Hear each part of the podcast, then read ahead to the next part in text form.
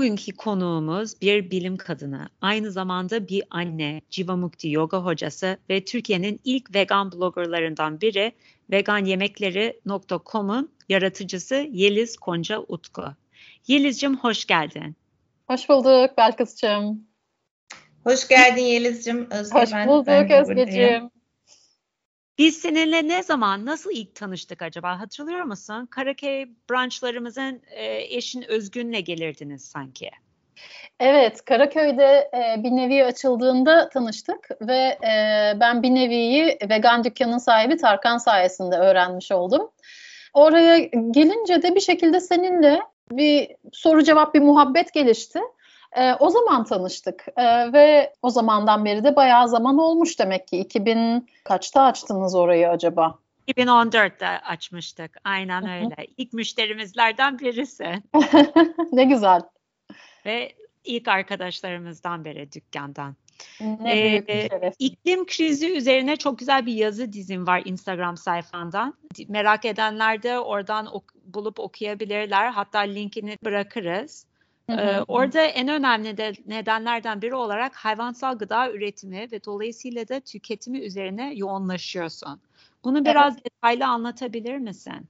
Hı hı.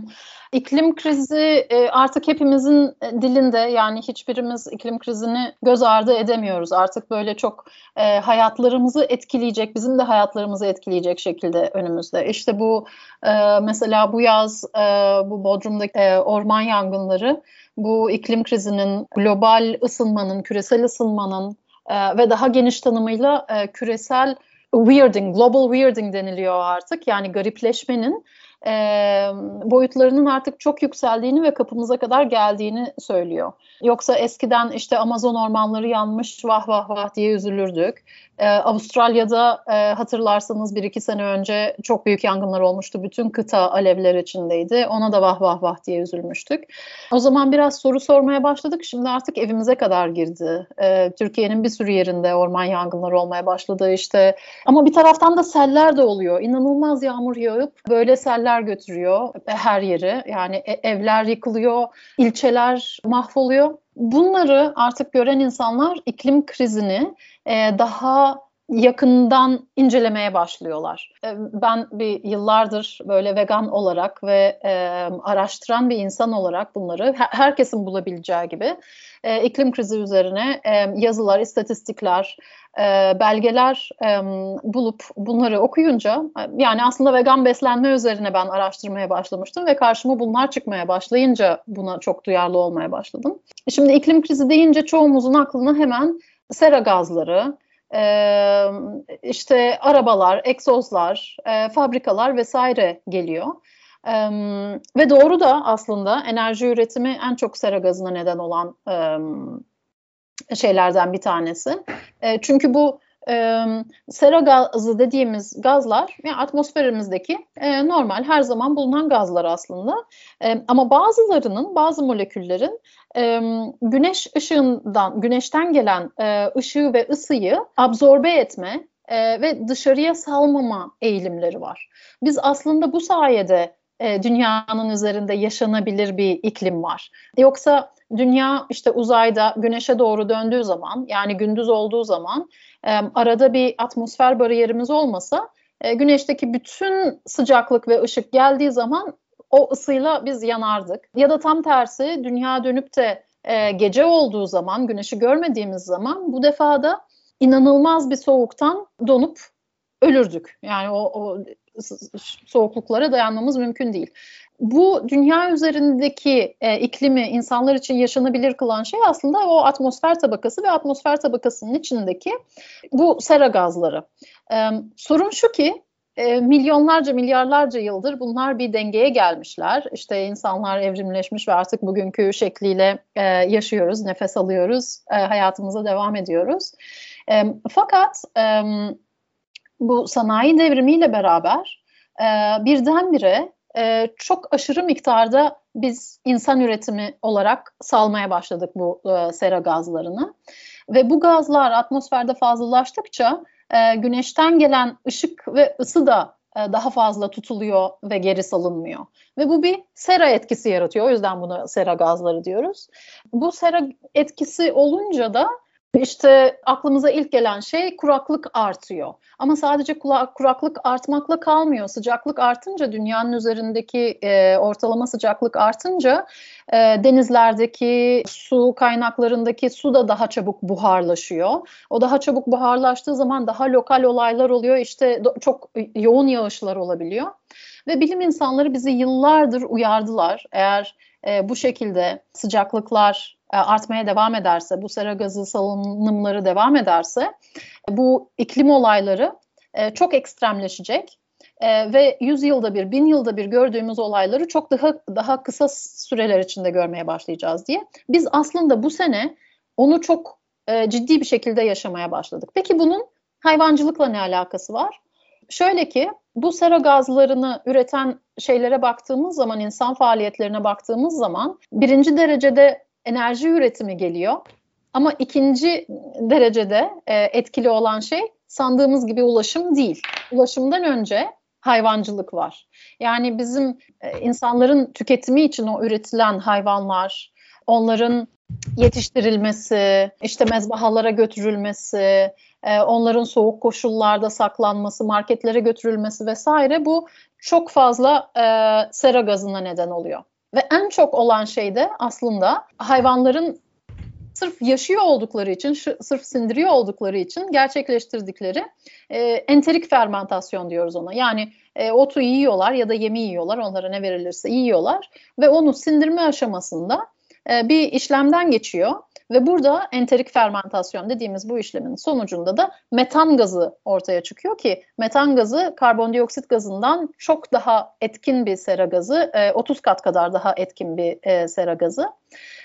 Ve sadece işte bu fabrikalarda ya da endüstriyel üretim çiftliklerinde olan e, hayvanlar üretmiyor bunu. Aynı zamanda çayırda, çimende otlayan inekler de üretiyor. Hatta son zamanlarda yapılan çalışmalara göre e, bu bizim işte e, doğal ortamda yetişmiş inek vesaire dediğimiz şeyler aslında onlar daha bile fazla e, metan gazı üretiyorlar bundan. Bir de hiç düşünmediğimiz e, bu hayvanların e, dışkıları var. E, her üretim çiftliğinin dışında mesela e, internetten e, bulabilirsiniz bunu, Google'da yazabilirsiniz. Dışkı gölleri var. E, ve e, bunlardan çok fazla nitroz oksit oluşabiliyor bu dışkılardan toprağa karışınca. E, ve nitroz oksit havaya karıştığı zaman bu da aşağı yukarı 300 kat daha etkin bir gaz, e, sera gazı karbondioksitten.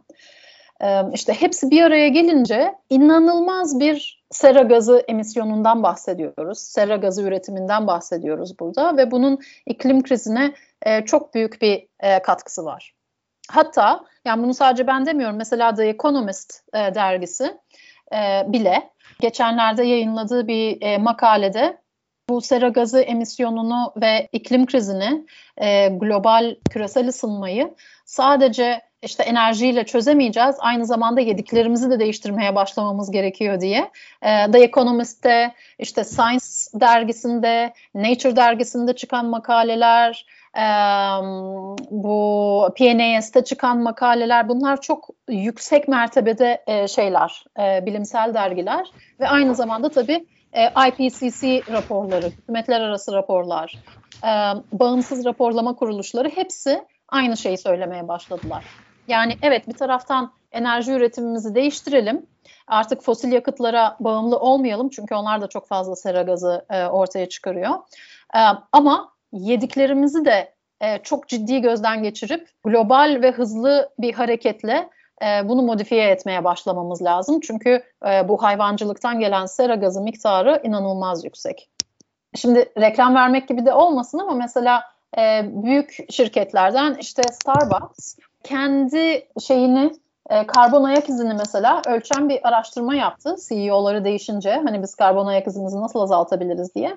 E, tabii eleştireceğimiz çok yeri vardır Starbucks'ın ama yaptıkları çalışmanın sonucunda şunu ortaya koyuyorlar. Starbucks'ın bütün faaliyetlerinden en çok karbon ayak izi üreten yani en çok sera gazı salımına neden olan şey e, Starbucks'ta kullanılan e, inek sütleri.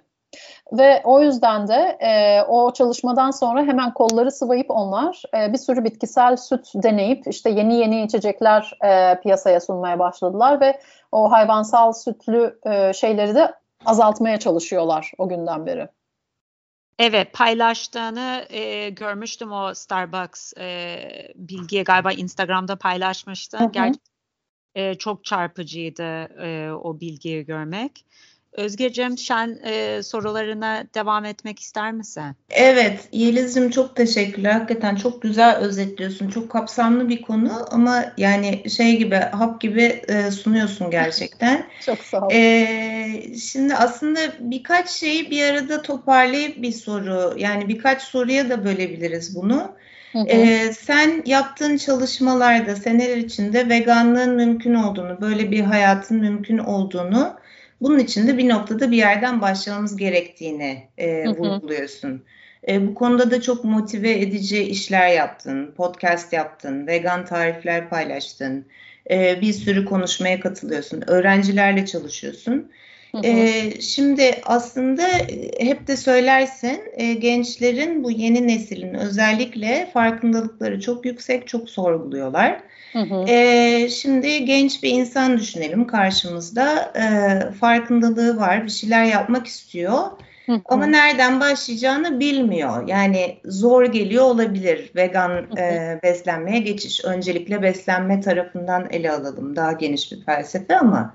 Hı hı. E, şimdi ona bir takım öneriler yapmak istersen ne yapardın? E, bunu e, soracaktım. Aslında bunu e, diğer iki soruyla beraber birleştirip şöyle toparlayayım istersen. Hı hı. E, şimdi vegan beslenmek istiyorum ama vegan beslenmek çok pahalı. Hı hı. E, dolayısıyla da bunu kendi bütçemle ya da işte üniversite harçlığımla bunu yapmam e, çok zor gibi bir algı var. Bu konuda hı hı. ne düşünürsün? E, ikincisi de şey e, yani diyelim ki bunu yapabildi hani daha şeylerden uzak durdu işlenmiş gıdalardan uzak durdu o zaman evde kendisi yemek yapması gerekecek.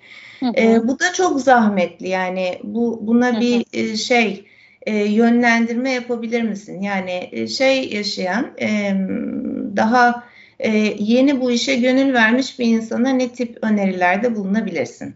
Hı hı. Ee, kendi hayatımdan örnekler vererek de önerilerde bulunabilirim.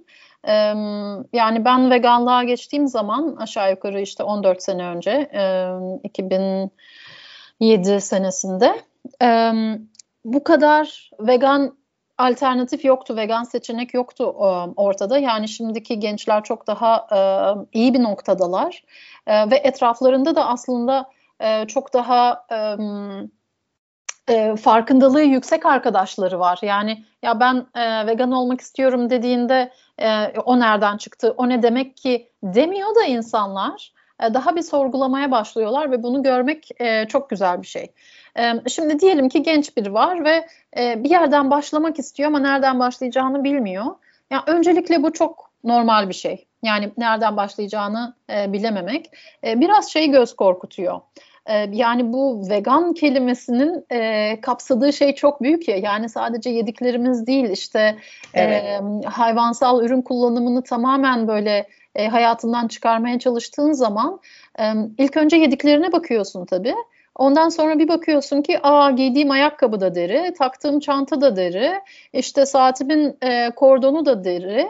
E, ama yani şey de e, mobilyaların mesela yapışkanları da aslında hayvan kemiklerinin kaynatılmasından geliyor. E, işte ne bileyim kitapların ciltlerinde kullanılan yapışkanlar da öyle. Yani hayatın her yerine sinmiş durumda. Çünkü o kadar çok hayvan üretiliyor ki insanların tüketimi için. Bundan çok ciddi bir e, yan sanayi var. Yani bundan çıkan artıklar bir şekilde kullanılıyor. Yani yoğurt yapmak için e, yoğurt yapılan şeyden hani sadece yoğurt alınmıyor. Onun süzülen sularından normalde atılacakken işte bunu nasıl değerlendirelim diye bakıp işte ondan böyle whey powder, e, peynir altı suyu tozları işte bunlar da böyle sporcu içeceği vesaire olarak pazarlanıyor. E, yani e, ve o hayvanların her şeyi her şeyi kullanılmaya çalışılıyor. O yüzden hayatımızın her köşesine sinmiş durumda. Bence e, yani bu bu büyük tablo, bu büyük şemsiye insanları korkutacağına e, bence şey düşünmek lazım. Ya ben şu anda olduğum noktada ya bugün elimdeki imkanlarla ne yapabilirim? Nasıl bir adım atabilirim? Bu e, eğer genç biri zaten veganlığa ilgi duyup da bir şey yapmak istiyorsa o duyarlılık kanalı bir açılmıştır ve bir şey onu oraya çekiyordur. O tarafa doğru bir bir adım atmasını tavsiye ederim. Herhangi bir adım.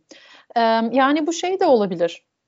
Şimdi e, bu veganlar bazen bana çok kızıyorlar. Veganlardan da çok tepki alıyorum ama alıştım artık diyeyim. O yüzden söyleyeceğim ben düşündüğümü. Yani diyelim ki o e, birdenbire her şeyinizi vegan yapmak ve kendinize vegan demek zor geliyor. Bana da zor gelmişti. Yani o etiketi sahiplenmek, e, kendime itiraf etmek bana da zor gelmişti. Ama en azından ya acaba yaşanabiliyor mu böyle e, diye böyle bir, bir deneye başlayabilirler. Yani diyelim ki haftada bir gün acaba e, bütün hayvansal ürünleri çıkararak hayatımdan yaşayabiliyor muyum? Sadece gıda olsun o mesela o gün. E, ya da o da olmuyor diyelim. Bir öğünde hayvansal ürünleri çıkararak yaşayabiliyor muyum? Ya bunu yaptıkları zaman e, evet yaşayabiliyorum ya da hayır yaşayamıyor mu görecekler. Ve eğer hayır yaşayamıyor mu görürlerse ne noktada zorlandıklarını görecekler. Ve bir sonraki adımda e, diyelim ki bir gün vegan yaşamaya çalıştın olmadı. İşte niye olmadı? Kahvaltıda yiyecek bir şey bulamadın. Bir sonraki gün ona hazırlıklı olarak ya ben e, vegan kahvaltı bulmakta zorlanmıştım. Hani ben yarın yine bir vegan gün yapacağım. Kahvaltı olarak ne opsiyonlarım olabilir diye baştan hazırlık yapabilirim mesela. Yani böyle e, adım adım ilerlenebilir. Ama illa e, bence bir yerden başlayın ve bazen e, o kadar da zor olmadığını e, görüyoruz. Çok güzel bir tavsiye verdin Eliz. Bir de şey yani bir şeyleri büyütüp kafamızda belki çok iyi ya da mükemmel yapmaya çalışırken evet. Aslında hiçbir şey yapmayarak sonuçlanıyoruz. O yüzden bir yerden başladığımızda kendimize olan inancımız da artıyor. Yani bunu yapabildim, aa ne güzel bir, bir ön daha yapabilir miyim diye onu görebilecek e, ve ona inanacak. Hı Peki burada şeye e, yani şey konusunda bir yorumun var mı? Biz çok karşılaşıyoruz çünkü. Vegan beslenmek isterdim ama çok pahalı Hı. ve çok zahmetli. Bu Hı-hı. şekilde çok zahmetli. Onunla, onunla ilgili yorumun nedir ya da bu konuda ne yapabilirler hayatlarını kolaylaştırmak için? Hı hı. E, pahalı olması yani bence vegan beslenme pahalı değil de e, günümüzde sağlıklı beslenme pahalı maalesef. Ben e, eskiden işte bu Amerika'da okurken mesela e, şey çok dikkatimi çekiyordu. Süpermarkete gidiyorsun. Yani o abur cuburlar 1 dolar. Meyve sebze bakıyorsun böyle işte yarım kilosu 7 dolar falan. E, Oysa ki Türkiye'de çok boldu meyve sebze ve çok ucuzdu. Şimdi sanki oraya benzemeye başladık ve hakikaten böyle hazır yapılmış abur cuburlar e, çok ucuz e, kalıp e, sağlıklı beslenme, e, sağlıklı gıdalar e, çok daha pahalı olmaya başladı. İşte tarım tarım da aynen öyle. Yani e, iyi iyi tarım pratikleri çok pahalı kalmaya başladı. Çünkü bir taraftan her ne kadar sürdürülemez olsa da e, böyle toprağa çok kötü davranan ama çok e, fazla ürün alabilen şeyler artmaya başladı. Şimdi e, yani veganlık deyince aslında veganlık sağlıklı değil her zaman. Yani çok siz abur cubur yiyen bir vegan da olabilirsiniz. Yani bir sürü patates cipsi de vegan. e, patates kızartması da vegan. İşte öğrencilerle konuşuyoruz mesela ben diyordum ki e, Fransa'da yaşadığım bir sene olmuştu Amerika'dan sonra. Ve e, kucağımda küçük çocukla sürekli dışarı çıkmak zorundaydım. Çünkü e, evde sürekli ağlıyordu dışarı, dışarı çıkmak istiyordu. E, yiyecek hiçbir şey bulamıyordum ben ve ekmek arası patates yiyordum. Yani bulabildiğim tek şey oydu uzun bir süre boyunca. İşte onun adı varmış artık patso diyorlarmış ona. E, ya bu çok ucuz ama sağlıklı değil. Sağlıklı olmak istediğin zaman e, ister istemez birazcık daha pahalılaşıyor bunu da ne kadar nereye kadar e, götürmek istediğine bağlı. E, şimdi e, bir de pahalı derken e, burada bir karşılaştırma var. Yani neye göre pahalı? E, bugün hayvansal ürünlerin e, fiyatları çok çok çok yüksek. Yani ben genelde e, almadığım için ürünlerin fiyatlarını da görmüyorum ama yani geçenlerde bir gördüm ki yani böyle et süt fiyatları, peynir fiyatları inanılmaz yüksek. Yani bence şu anda vegan ürünler e, şeyden daha pahalı değil. Yani e, hayvansal ürünlerden. E, hatta işte bu vegan köfteler, vegan schnitzeller vesaire ki en işlenmiş vegan ürünlerdir. Ve böyle sağlık ürünü olduğunu da söyleyemeyeceğim onların. Ve en pahalılarıdır. Onlar bile et fiyatlarından daha ucuzlar yani bence şu anda. Ama öbür taraftan da bizim geleneksel olarak kullandığımız işte mercimek, nohut, foru, e, kuru fasulye, yani mesela kuru fasulye pilav da vegan bir yemek eğer tereyağsız, etsiz yapılırsa. E, yani bunlara yönelirsiniz bu defa hiç pahalı değil. Yani eğer siz e, geleneksel, mevsimsel ve yerel yetişmiş ürünlerle e, beslenirseniz e, aslında o kadar da pahalı değil. Mesela gidin herhangi bir marketten e, işte konserve pilaki bulun. Bir öğrenciyseniz ve evinizde yemek yapamıyorsanız. Oldukça e, makul fiyatları var onların. Ya da şimdi e, değişik firmaların çıkardığı işte hazır pilavlar vesaire var. E, onların da bir sürüsü vegan yapılabiliyor. E, yani vegan beslenme pahalı olabilir. Eğer böyle çok e, özel şeyler arıyorsan, e, işte ne bileyim sürekli böyle e, çiğ kajudan yapılmış e, raw pastalar yemek istiyorsan pahalı olabilir. Çünkü öbür tarafta e, onu kıyasladığın şey e, yani kenar mahallenin e, böyle pastacısının yaptığı böyle e, kalitesiz ürünlerle yaptığı ucuz pastaysa ki onlar bile ucuz değil artık. O pahalı gelebilir ama çok daha ucuza da getirilebilir bu.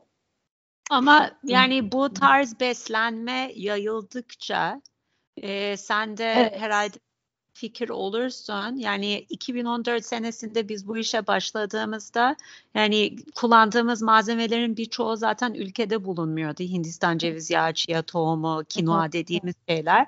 Onların hepsi artık BİM'lerde, A101'lerde bulunuyor ve 10 lira avokado panolarda hem yerli yetişiyor bolca hem de fiyatı da adet olarak mevsimde olduğunda yani e, A101'in bas reklamında görmüştüm yani otobüs durağında orada e, 3 liraya falan satılıyordu. Hı hı. E, fiyatları düşüyor e, ve ayrıca eğitim ve daha çok e, senin gibi bu bilgileri paylaşan e, influencerlar ve gazeteciler, yazarlar oldukça e, insanlara daha çabuk e, çözümlerde çıktığını görüyoruz hı hı. bence. Bilmiyorum sen ne düşünüyorsun? Kesinlikle. E, bu erişilebilirlik çok önemli bir şey ve erişilebilirlik için yani bizim bu e, kolay ürünlere erişebilmemiz için onlara talep olması lazım. Şimdi ben aynı şeyi bugün düşünüyordum Belkıs. Çünkü e, bugün çok güzel bir gündü. Daha önce bahsetmiştim. Belki ondan da bahsederiz ama e, biliyorsunuz e, ben e, üniversitede e, hocalık yapıyorum. Yani hayatımın çoğu üniversite kampüsünde geçiyor. Ve 10 sene öncesine rağmen Bugün şöyle bir düşündüm. Yani özellikle çok yoğun bir gündü bugün. Kahvaltı yapamadan çıktım. Öğle yemeğini genelde hep yanımdan götürürdüm. Ee, işte bugün e, öğle yemeği de yanımda götüremedim ve eyvah aç kalacağım diye düşündüm açıkçası kampüste. Ama sonra yani etrafa bir baktım ki ben işte e, kahvemi de lattemi de vegan içebiliyorum kampüste. E, ondan sonra vegan dürüm yaptırtabiliyorum. Ee, bunu çok daha yeni yeni yapmaya başladılar işte denemeye başladılar ama bence bu çok büyük bir adım, ciddi bir adım. Ve sonra e, yemekhanede mesela e, dört, dört çeşit yemek vegandı ve yanında da vegan yazıyordu. E, bunlar hep taleple oluyor. Yani insanlar talep ettikçe e, şey e, onlara sağlanan ürünler de artıyor. Aynen dediğin gibi siz de mesela ilk açıldığınızda tofu bulmak çok zordu. Ben e, ee, 2010'un sonunda 2011'in başında Türkiye'ye geldiğimde e, vegan ürün bulmakta çok zorlanıyorum. Vegan ürün dediğimde tofu yani başka bir şey de beklemiyordum yani o zaman. E, vegan dükkan mesela o zaman e, açıldığında ve e, ekolojik bir dükkandan vegan bir dükkana döndüğünde işte karşılaştığı en büyük zorluğun ürün bulma zorluğu olduğunu söylüyordu.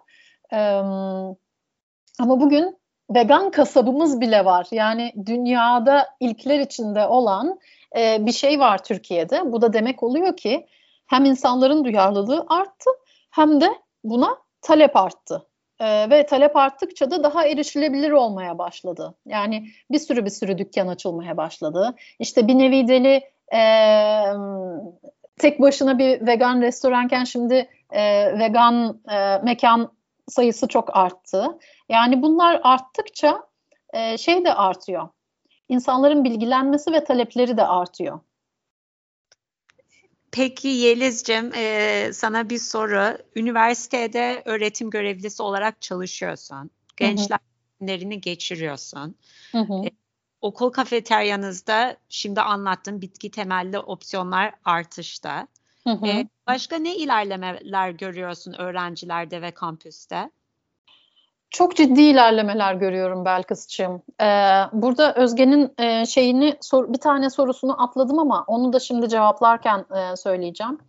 Ee, öğrenciler yani bu genç nesil e, hele de arada pandemi oldu işte karantinalarda dersleri evden verdik böyle bir buçuk sene kadar böyle gençlerle çok yüz yüze görüşemedik ve şimdi tekrar görüşüyoruz. Yani bir şekilde bu pandeminin e, bir etkisi olduğuna inanıyorum ben. E, belki de her şey üst üste geldi pandemide. İşte yangınlar, e, seller vesaire hepsi e, üst üste geldi. İşte e, pandeminin zaten kendisi böyle zoonotik bir hastalık olduğu için belki de insanları düşünmeye itti. Ya da evde kalınca daha fazla film, belgesel vesaire izlendi bilmiyorum. Ama bu dönem ilk defa e, benim verdiğim derste vegan öğrenci var. Şimdiye kadar hiç olmuyordu.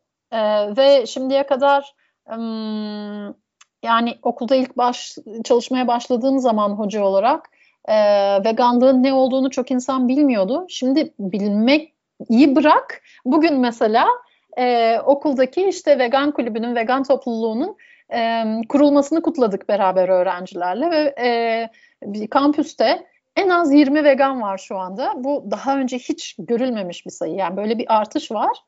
Ve onun yanında e, kendine vegan demese bile e, hakikaten böyle e, düşünen, sorgulayan, bir şeyler yapmak isteyen, adım atmak e, isteyen ve atan yani sorgulamaya çok açık ve değişim yapmaya da çok açık çok insan var. Bir sürü insan var. O açıdan çok büyük bir e, fark görüyorum.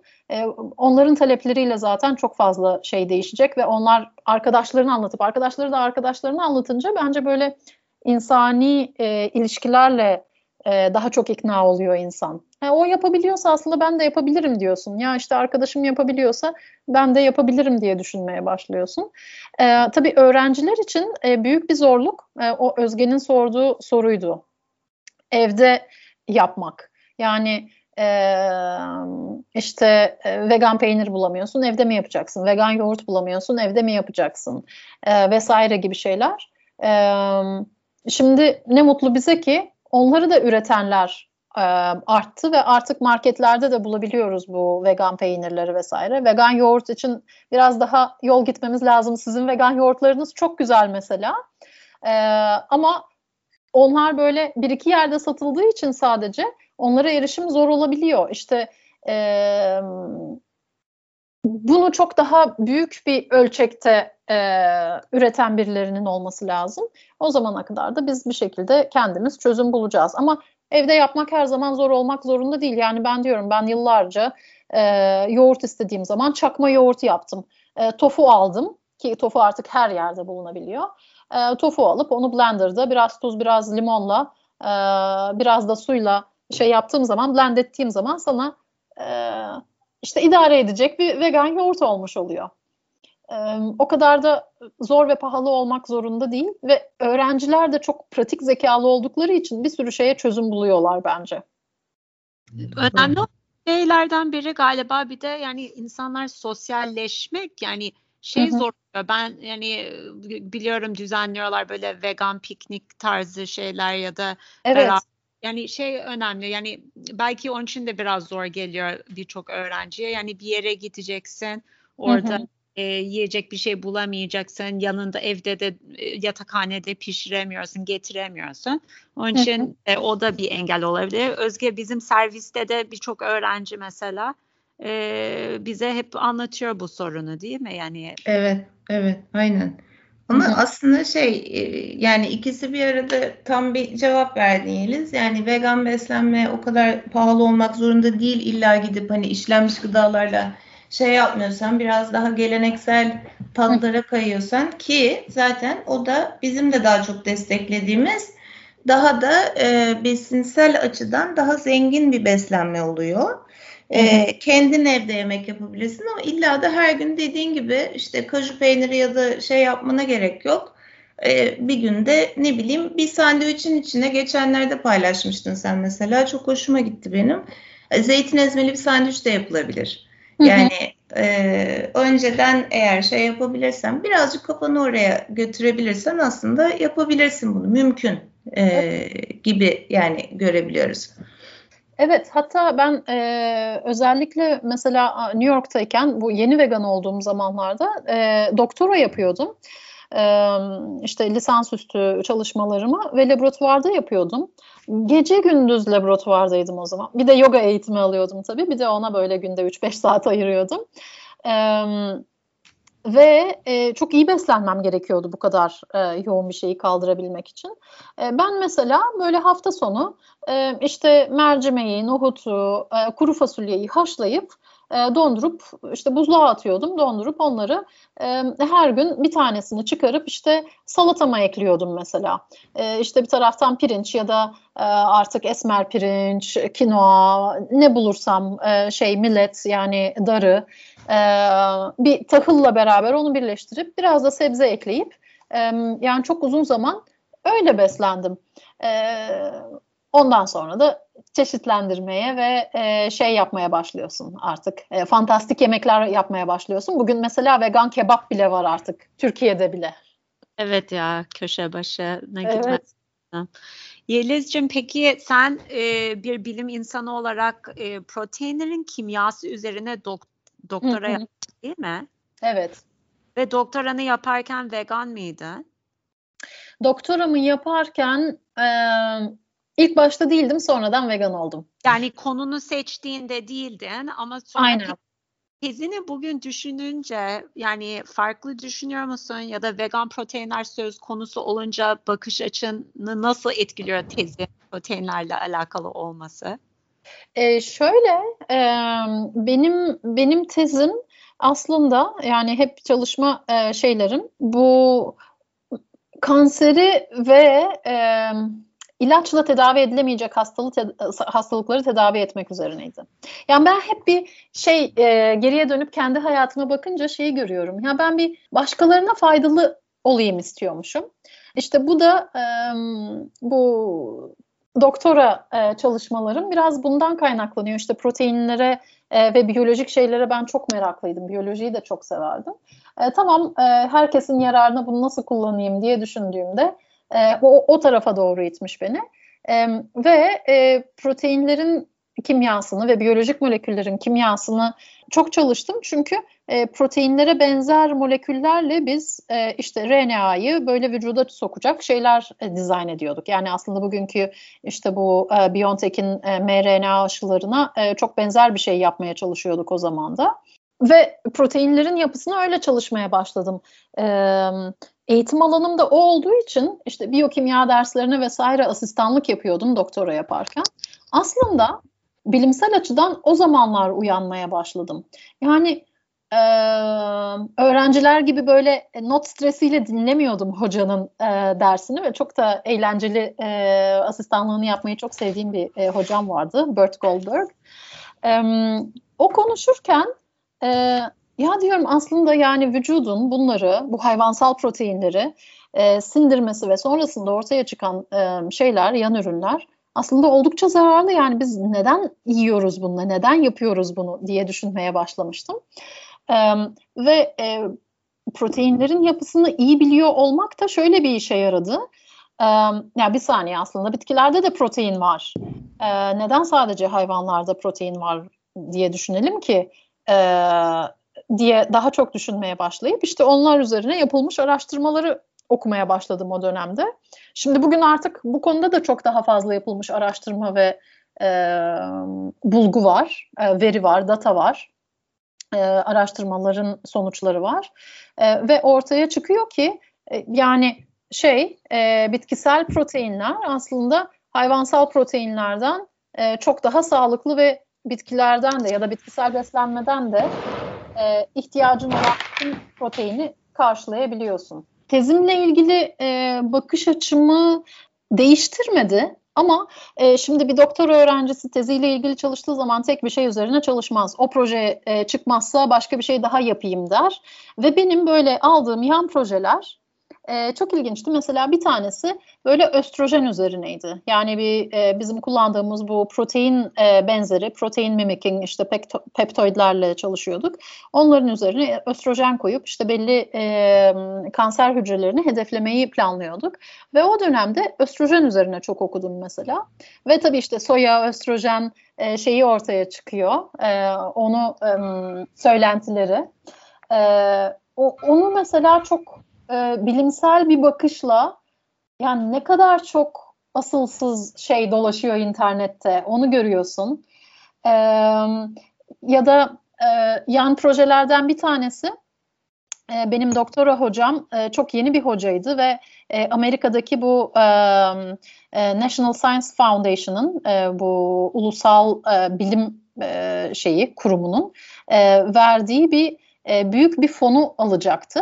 E, parasal fonu alacaktı. Fakat şöyle dediler, proje çok güzel ama bunun e, outreach kısmı yok. Yani halka nasıl ulaşacaksın? Halka e, halk için neler yapıyorsun gibi. O da e, ya neden gıdayla ilgili bir şey yapmıyorum? İlgilenir misin dedi. İlgilenirim dedim. Onun üzerine işte e, şeyle çalışmaya başladık mesela. Bu Maraş dondurması, salep vesaire. E, artık o zamanlarda böyle veganlığa e, ya geçiş yapmıştım ya da çok yakındım diyeyim. E, onun üzerinde çalışırken mesela bir sürü bitkisel sütü de denedik. E, ya da e, işte gelen e, şeylerin e, böyle numunelerin hep e, bitkisel bazlı olmasına çalışıyordum. E, ya da işte o zamanlar e, bu New York'taki e, şey e, French Culinary Institute'un e, e, gıda geliştirme e, direktörüyle beraber çalıştık e, Dave Arnold'la e, ve onunla çalışırken hep e, şeye doğru bitkisel taraflara doğru yönlendirmeye çalıştım. Çünkü artık kimyasını bilince tam bunu bitkilerle de yapabiliriz e, diye düşünüyorsun. Yani öyle etkileri oldu benim tezim üzerine. Ee, bir araya girebilir miyim? Bir şey soracağım. Bu şey e, soya ve östrojenle ilgili konuya nokta koyalım mı Yeliz? Bir onu anlatmak ister misin? Aslında çetrefilli bir konu. Ee, ben eskiden veganyemekler.com e, üzerinden bir e-mail listesi başlatmıştım. Ee, ve e, işte e, bir ara her ay, bir ara her hafta e-mail listesine üye olanlara e-mail gönderiyordum. Fakat sonra böyle o kadar çok şey oldu ki ona kaydolan, abone olan insan oldu ki e, inanılmaz bir aylık ücreti olmaya başladı. Maalesef artık onu yapamıyorum. E, orada mesela soya ile ilgili şey yazdığımda hakikaten herkes e, kulak kesiliyordu. E, soyada östrojen var mı? Bizim bildiğimiz anlamda insanın vücudundaki östrojen yok. Soyada e, fitoöstrojen denilen karışıklık buradan çıkıyor. Bitkisel ve östrojene benzeyen e, moleküller var. Ve bu moleküller aslında e, bizim vücudumuzdaki östrojenden çok daha az etkililer. Yani bir e, normal östrojen hormonundan 50 kat daha az e, etkililer. E, ve e, böyle yok işte erkeklerde meme büyümesi vesaire gibi şeyler yapmıyor. Artık çalışmalarla kanıtlanmış durumda bu. Hatta tam tersi yapılan çalışmalar gösteriyor ki soya e, ve soya ürünleri aynı zamanda aslında en çok kanser önleyici gıdaların en tepesinde geliyor. Yeşil çay ve soya kanser ilerlemesini önüne en ciddi şekilde geçen e, şeyler, e, bitkisel gıdalar. Tabii burada şeyi söylemek lazım. Şimdi soya dediğimiz zaman e, artık bizim endüstrileşmiş toplumumuzda böyle soya fasulyesini alıp sadece soya fasulyesi olarak yemiyoruz. E, işte soyanın yağı çıkartılıyor, soyanın böyle e, proteini izole ediliyor. Yani soy protein isolate diye bir şey var mesela. O soya yağını ve soya protein izolatını bu dükkanlarda satılan e, kıyma gibi soya proteininden bahsetmiyorum da soya proteini izolatı e, işte bu shake'lerin içine vesaire katılan o ikisini istisna tutarsak e, tofudur, e, soya sütüdür, e, başka ne yapılıyor soyada? Edamame, e, tempe bunlar e, sanılanın aksine sağlık için faydalı şeyleri var, özellikleri var. Harika. Teşekkür Bilimle ederim. sabit. evet erkekler korkmayınız soya sütü içmekten. bir, bir şey daha ekleyeyim bunu bitirmeden. Ee, östrojen hakikaten östrojen kirliliği şu anda dünyada çok yüksek ama o östrojen kirliliği hayvancılıktan geliyor. Çünkü bizim östrojenimiz ne zaman yüksek oluyor? Ee, özellikle emziren memelilerde çok yüksek oluyor. Ee, emziren ineklerde de öyle. Ve süt inek sütü emziren ineklerden geliyor ve bu e, vücutlarının salgıladığı östrojen idrarla atılıyor. Bu idrarla atılan östrojen hiçbir şekilde yok olmuyor. Çok küçük bir molekül. Bu filtrelenmiyor. E, bu şehir e, arıtma suları vesaire onlar bunu kesinlikle arıtamıyorlar şu andaki teknolojiyle. Bunun üzerine çok e, projeler fonlanıyor fakat en büyük östrojen kirliliği e, şeyden geliyor hayvancılıktan geliyor ve bunlar bizim yeraltı sularımıza karışıyor. Oradan da zaten bütün içme sularına vesaire e, her şeye karışıyor. E, gördüğümüz aslında östrojen fazlalığı buradan geliyor. Yoksa insanlar daha fazla tofu yediği için değil. Evet. Çok doğru. Peki Yelizcem e, sen e, Jiva Mukti ile NYU'da okurken, New York'tayken doktoranı yaparken hı hı. E, yogaya gitmeye başlamıştın. Evet. E, ve daha sonra da e, eğitmen oldun ve sonra da ve, yoga ve vejeteryanlık kitabını Türkçe'ye çevirmiştin. Şimdi hı hı. ise yoga ve veganlığın tercümesini bitirdin diye biliyorum. Hı hı hı. Ve tarihte yayınlanması planlıyor, planlanıyor. İnşallah. Ee, Jiva Mukti yoganın felsefesi nedir? Normal yogadan yani na- nasıl bir fark vardır ve veganlık onda nasıl bir rol oynuyor? Biraz anlatabilir misin? Ee, çok güzel bir soru.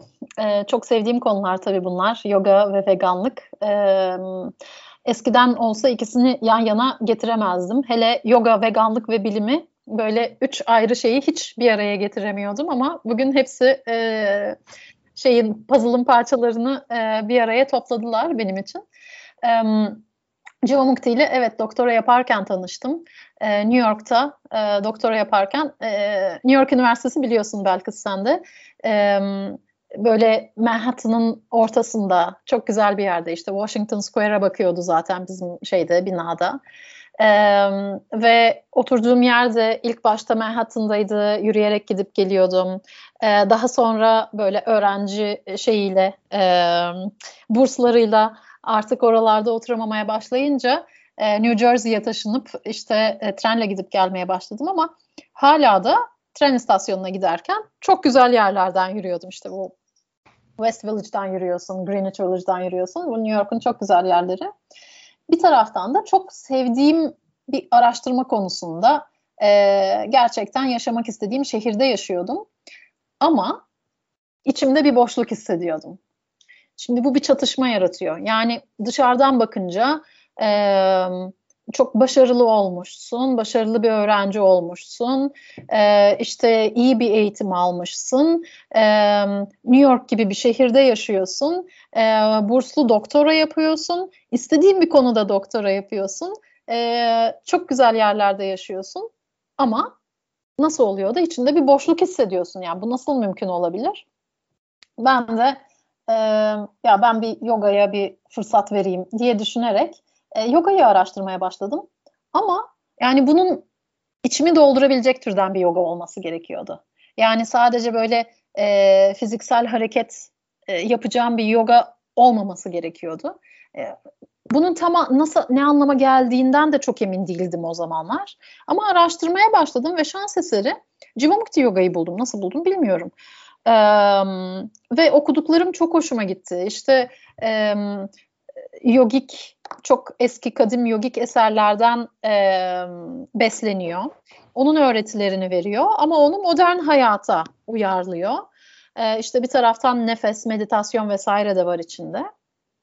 Ondan sonra e, tabii ya ben New York'taki bir yoga okuluna gidemem diye düşündüm. Hani e, böyle çok uzaktır falan. Bir baktım ki hiç uzak değilmiş. Bana iki blok ötedeymiş Jivamukti Yoga Stüdyosu. İşte çok pahalıdır diye düşündüm. Aa, bir baktım ki her ay onların ücretsiz e, tanıtım şey, dersleri var.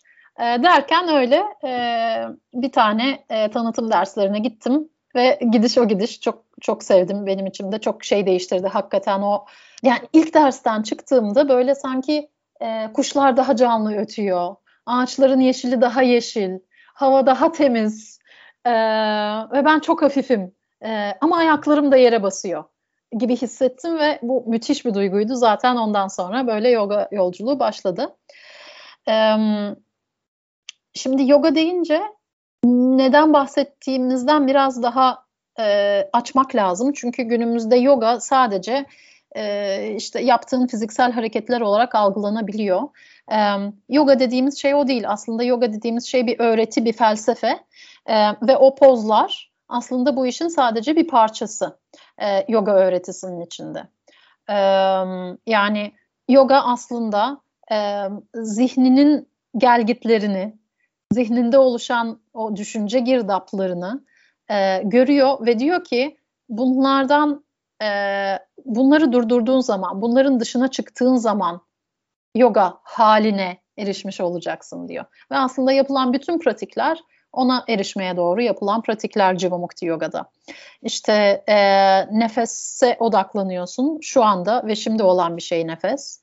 E, seni şimdiye getiriyor. O nefesle beraber e, e, pozları yapıyorsun, asanaları yapıyorsun ki Jivamukti'de e, bu um, asana yani yoga duruşu e, kelimesi dünyayla bağlantımızı simgeleyen bir şey. Yani bu as, as e, yere oturduğumuz şey e, popo anlamında kullanılıyor. Hakikaten oradan gelme kök olarak.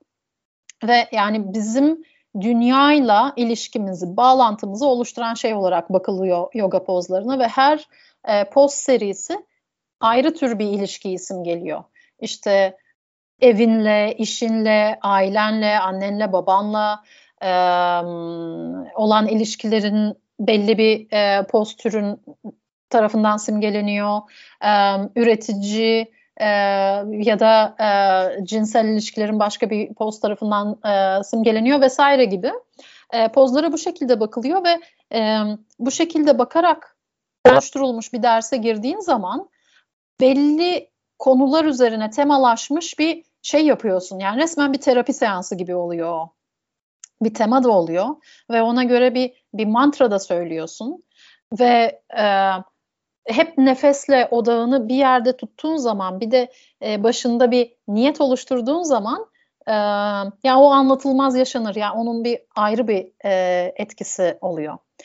E, ve evet Jivamukti e, veganlığı tavsiye ediyor ve teşvik ediyor çünkü e, diyor ki e, dünyayla bağlantımızı simgeliyor asana ve biz eğer e, bu dünyayla bağlantıyı yoga da dendiği gibi, yoga sutralarda dendiği gibi, Patanjali'nin yoga sutralarında denildiği gibi eğer sağlam ve sarsılmaz yapmak istiyorsak işte Stira Sukam Asanam diyor yoga sutralarda Patanjali'nin.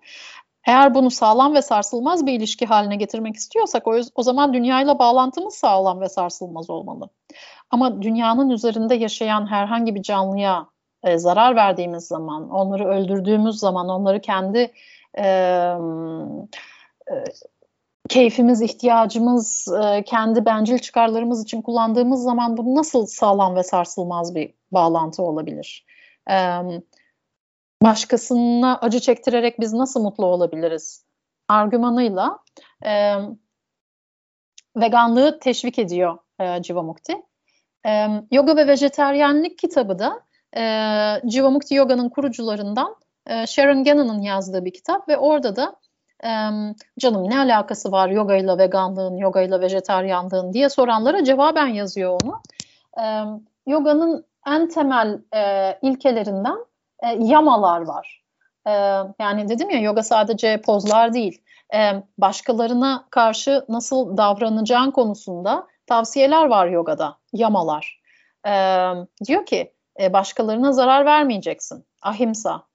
E, başkalarından e, çalmayacaksın, asteya. Başkalarına yalan söylemeyeceksin, satya. Başkalarının cinsel enerjisini manipüle etmeyeceksin, brahmacharya bu. E, ve en sonunda da başkalarının elindekine karşı açgözlülük yapmayacaksın. Onların elinden e, ihtiyacından fazlasını almayacaksın. Aparigraha. Bu beş tanesi e, yoganın en temel ilkelerini oluşturuyor. Başkalarına karşı nasıl davranmamızı tavsiye ettiği ilkeleri bunlar, temalar. Ve bütün yoga ve vejeteryanlık kitabı bunun üzerine odaklanıyor. Ahimsa, vegan olmadan ahimsa ilkesini e, uygulayabilir misin hayatında? Başkalarına zarar vermemek yani bir canlıyı öldürerek ona zarar vermiyor musun? E, asteya başkalarından çalmamak. Mesela süt endüstrisinde bir anneden bebeğini çalıyorsun aslında. Onu kenara koyman lazım ki o sütü alabil. O sütü alıyorsun. Bu çalmamak ilkesiyle bağdaşıyor mu? E, satya, dürüstlük ilkesi. Kendi e, çocuğuna e, ya ben bu eti yiyorum ee, ama bu hayvan ölmüyor mu diye sorduğunda ona dürüstlükle cevap verebiliyor musun? Yani bu satya ilkesini uygulayabiliyor musun? Brahmacharya, başkalarının cinsel enerjisini manipüle etmemek. Bilmiyorum bu e, Orja diye bir film vardı. Onu izlediniz mi? Orada çok çarpıcı bir şekilde bence yani bence Brahmacharya ilkesini anlatmış. Yani böyle yogik bir film değil ama e, yani bu e, şey için yetiştirilen hayvanların hakikaten e, cinsel olarak manipüle edilmesi gerekiyor. Yani e, insanlara yapılsa suç olacak bir şey. Biz hayvanlara sistematik olarak sürekli yapıyoruz. Ne için yapıyoruz? İşte süt elde etmek için yapıyoruz. Onları üretmek için yapıyoruz. Yani buna da yapay döllenme diyoruz maalesef. E, bunlar bizim dünyamızda sistematik olarak yapılan şeyler. Bu Brahmacharya, yoganın Brahmacharya ilkesiyle örtüşüyor mu diye sorguluyor ve en sonunda da aparigraha. E, yani e, sen beslenmeni ve sağlığını devam ettirecek bu kadar çok şey varken dünya üzerinde, bu kadar her şeye erişimimiz varken hala hakikaten başkalarına zarar verip başka canlıların e, hayatını, e, onların e, özgürlüklerini elinden alarak e, yaşamak zorunda mıyız? Yani bu açgözlülüğe girmiyor mu? Gibi argümanlarla çok güzel bir kitap yazmış aslında Sharon Ben de onu tercüme ettim.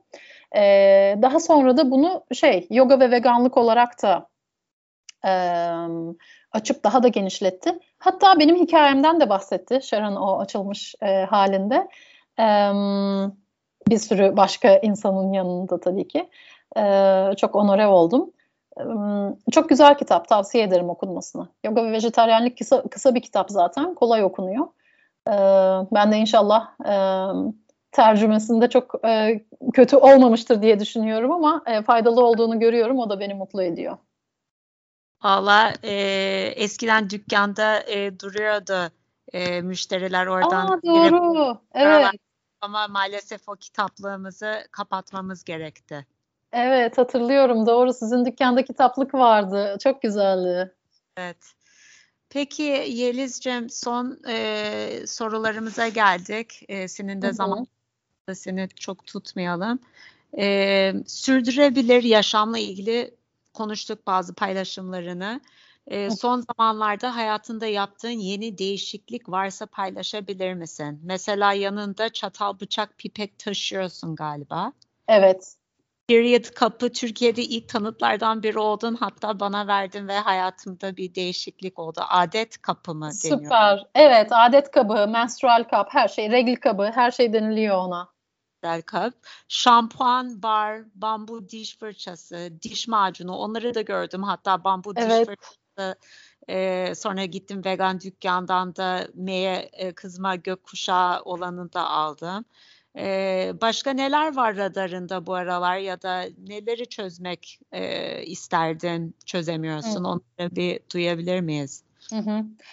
e, bunları çözmek hakikaten çok e, enerji ve efor gerektiriyor e, Belkıs'cığım. E, çünkü biz maalesef insanlar olarak e, işte sistemimizi ona göre yapmamışız. Yani kullan at, e, çöplerimiz bir yerde biriksin, yeter ki gözümün önünde olmasın. E, gözden ırak olunca tamam sorun yok diye düşünüyoruz ama bu, bu sorunlar artık günümüzde üzerimize üzerimize geliyor. Yani bu e, dünyadaki plastik kirliliği e, çok ciddi boyutlara ulaşmış durumda. Yani işte bu şeydeki okyanusların ortasındaki bu e, şey e, plastik patch e, devasa yani ülkelerin yüz ölçümü boyutunda e, bir e, plastik şeyinden bahsediyoruz ve bu sadece denizde toplananlar. E, bütün bu işte mikroplastikler vesaire bizim yağmurlarımıza giriyor, yeraltı sularımıza giriyor, tuzlarımıza giriyor. E, gebe kadınların, hamilelerin plasentalarında bile oluyor. E, orada bile e, ortaya çıktı en son. E, bu çok ciddi boyutlara ulaşmış durumda. Bundan nasıl kaçınabiliriz? En çok e, aslında kendi hayatımızda yani günlük hayatımızda ambalajlara dikkat ederek aslında. E, yani ambalaj hiç kullanmadığımız zaman bütün plastik e, tüketimimizi sonlandıracağız demiyorum. Maalesef öyle değil. Ama biz bir şey yapmak istediğimiz zaman e, başlayacağımız yer kesinlikle ambalajlar. O yüzden ben mümkün olduğu kadar ambalajsız e, ve atıksız şeylere doğru kaymaya başladım. Aynen dediğim gibi mesela katı şampuan. Bu benim e, hayatıma çok yeni yeni giren bir şey. İşte e, iki yıldır falan kullanıyorum sadece katı şampuanı. Yani normalde bir senede belki e, 10-11 tane şampuan şişesi, plastik şampuan şişesi e, atık çıkaracakken şimdi çıkardığım atık sıfır. Ya da işte e, o katı şampuanın sarılı geldiği karton e, şey e, bir iki tane o da zaten e, biyo çözünür. Menstrual kap çok bence benim hayatımı da değiştirdi. Çok olumlu yönde değiştirdi.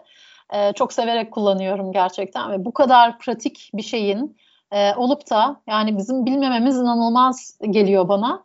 E, çünkü e, atığımızı sıfıra indiriyor. Ben e, bir gün e, şeyde fark etmiştim bunu. Ne kadar fazla atık ürettiğini. Ee, şimdi o videoyu bulamıyorum. Bir kısa bir video vardı. Yani bir kadının böyle bir sene boyunca e, şey yaptığı, ürettiği e, atık ped miktarı. Böyle sırtında taşıyor kadın her yere. İşte kocaman bir çuval dolusu falan. Hakikaten düşünüyorsun o çok fazla. Ve e, benim e, küçük oğlum doğduğunda böyle e, viral bir hastalıktan dolayı çok e, alerjik bir bünye geliştirmişti onu nasıl e, bertaraf edeceğimi araştırırken işte o çocuk bezlerini vesaire araştırmıştım ve hakikaten e, o çocuk bezleri, bebek bezleri e, birikiyor, birikiyor, birikiyor ve bunlar biyoçözünür değil. İnanılmaz bir plastik atık miktarı oluşturuyor. E, böyle zorunluluktan yıkanabilir çocuk bezine geçtikten sonra e, ya acaba bunu regl e, şeyleri içinde uygulayamayız, uygulayamaz mıyız diye düşünmüştüm. Hijyenik kadın pedleri için. E, ama onlar bana çok yapılabilir bir şey gelmedi. Yani işte e, yıkanabilir çocuk bezindeki yani kumaş çocuk bezini e, makineye atıyorsun. Yani bebek çişi hemen gidiyor ama e, hani böyle e, menstrual atığı düşününce böyle yani çamaşır makineme atmak istiyor muyum acaba diye e, içim almamıştı onu. Menstrual kap ama öyle değil. Yani bir tane kabı 10 sene boyunca kullanabiliyorsun ve atık hakikaten sıfır. Yani e, doldukça boşaltıyorsun, doldukça boşaltıyorsun ve o kadar. Bu, bunlar müthiş şeyler. E, bu aralar değiştirmeye çalıştığım şey bizim evde çok fazla çamaşır yıkanıyor ve e, ilk önce evdeki e, çamaşır e, şeylerini, deterjanlarını vesaire ilk önce böyle doğaya zarar vermeyecek şeylere dönüştürmeye çalışıyorum ki o bile kendi içinde çok zor bir şey. Yani e, hem insan sağlığına e, zararlı olmasın hem dünyaya, toprağa, suya zararlı olmasın. Ama bunlar bile plastik ambalaj içinde geçiyor, geliyor. E, ve sizinle konuşmuştuk geçen günkü konuşmada yani bu e, ambalaj sorunu çok büyük bir sorun. Yani hakikaten bütün dünyanın şu anda e, çözünebilir ambalaja ihtiyacı var. E, Türkiye'de öyle bir şey yok henüz. O yüzden şimdi gözümü biraz şeye dikmiş durumdayım. Yani ambalajsız çamaşır şeyi, sıvısı, deterjanı nasıl olur? E, ama bir de benim için sabunsuz da olması gerekiyor. Çünkü e, çocuklarımın ikisinde öyle şeyleri var. E, duyarlılıkları var. Mesela e, şeyi araştırıyorum. E, araştırıyorum derken e, kullanabilir miyim diye düşünüyorum diyeyim. Yani araştırıyorum da garip bir kelime. Yani al kullan dene değil mi? Yani aslında bu kadar basit. E, nerelerde olduğunu araştırıyorum. Bir yerde buluyorum o bitmiş oluyor ben almaya e, niyet edene kadar. Sabun cevizi. Yani acaba aynı etkiyi gösterir mi merak ediyorum ya da e, başka şeyler.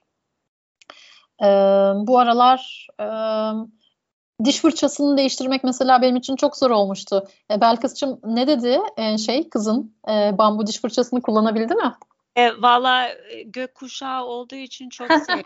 Ben de e, memnunum ama eşim e, çok sevdiği yumuşak böyle bir e, şey İsviçre'den bir diş fırça markası ya da bilmiyorum nereden de yani böyle şey e, kızımın ağzını par- parçalıyorsun bu diş fırçasıyla diye e, biraz gösterdi.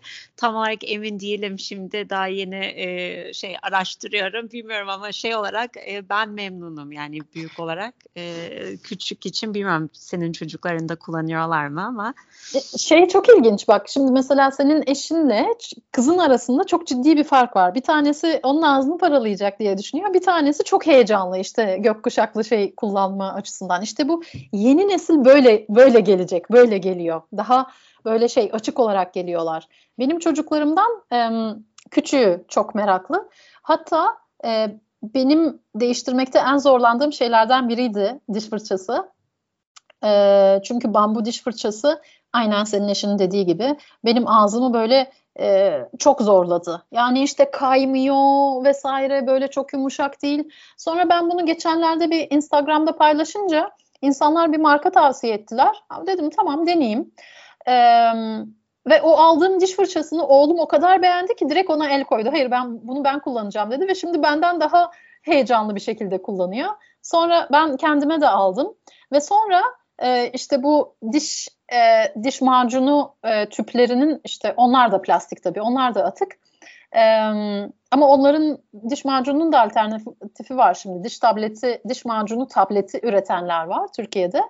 E, onları denemeye başladım ve oğlum onu da çok böyle hevesle e, deniyor ki e, e, yani bir çocuk için ben onun rahat bir şey olacağını düşünmezdim. O diş e, macunu tabletini alıyorsun. İlk önce dişinle ezmen gerekiyor. Azıcık dişine yapışıyor. Sonra diş fırçasıyla fırçalıyorsun. Gayet memnun bir şekilde kullanıyor onları. Ee, ya da mesela şey e, sadece böyle diş macunu diş e, fırçası için değil şeyleri de çok heyecanla yiyorlar. İşte e, vegan lahmacundur, e, vegan kebaptır vesaire gibi şeyleri. Yani e, bunları erişilebilir ve e, şey yapmak gerekiyor. E, heyecanlı ve güzel yapmak gerekiyor hakikaten.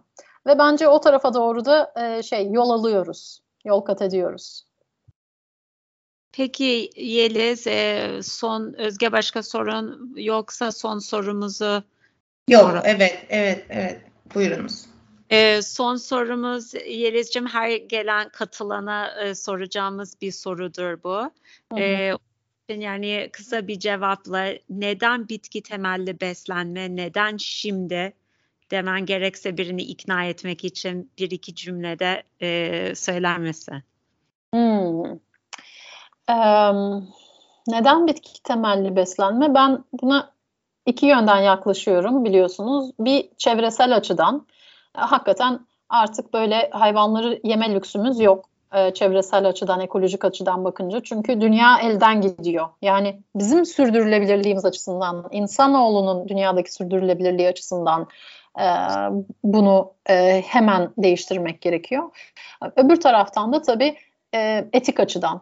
Yani biz sırf bitkisel şeyler yiyerek e, işte e, kuru fasulye pilav yiyerek de hem doyup hem de sağlığımız çok daha e, iyi oluyorsa eğer yani neden hayvanlara eziyet çektirelim ki? Neden onların canına mal olalım ki e, diyorum. Herkesin içinde bu e, vicdani sorular ufak ufak kıpırdanıyor bence. E, artık buna bakmak için bir e, şey engel yok. Çünkü etrafımızda e, opsiyon da artmaya başladı, seçenek de artmaya başladı. Yani vegan olduğunuz zaman artık aç da kalmıyorsunuz. E, bitkiselle doğru kaymak için bence çok güzel bir zaman. Ve gerekli bir zaman. O zaman çok teşekkür ediyoruz. Podcast Yeliz'cim çok teşekkürler. Çok çok çok güzel anlattın yine. Ee, bazen herhalde e, şeylerin dinleyicilerimizin de bir yerlerden ilham alabileceklerse aslında bu konuşmalar çok önemli.